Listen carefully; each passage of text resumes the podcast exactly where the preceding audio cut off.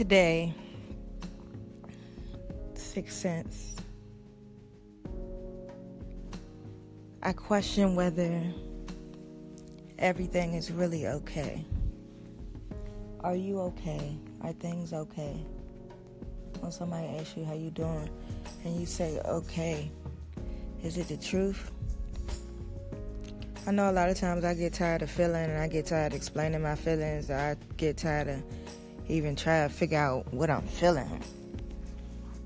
And at the end of the day, I always know that I'm gonna survive. You know what I'm saying? It's it's not the end of the world. I'm still out here, so I'm always okay. But that's not always the case. You know what I'm saying?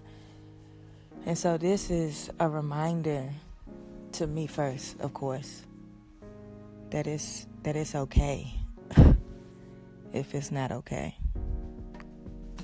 You're allowed to feel. You're allowed to be sad just as much as you're allowed to be happy. And mad just as much as you're allowed to be content. But it's important to acknowledge what's really going on.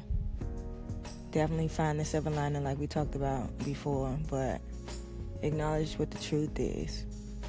Because if you don't acknowledge the truth, then you you can't deal with it for real. You gotta be real about every corner of the square. You know what I'm saying? Every side.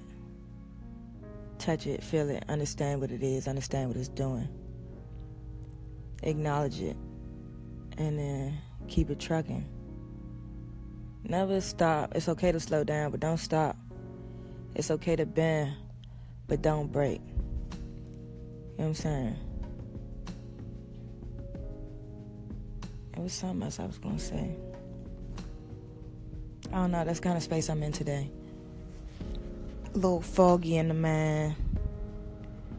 Feeling like I'm okay, but I'm not okay. But knowing that I'm always okay.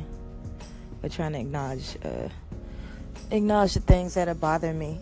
You know what I'm saying? I always say the first step is to know and to understand and to acknowledge. You ain't got to know how to fix it. But the best, the, the first part is to know and to be aware. Some people walking around here and just have no idea what's going on or what's not going on. So, if you're not okay, it's okay. But you will be okay. Acknowledge it all. Thanks for listening. Six Sense.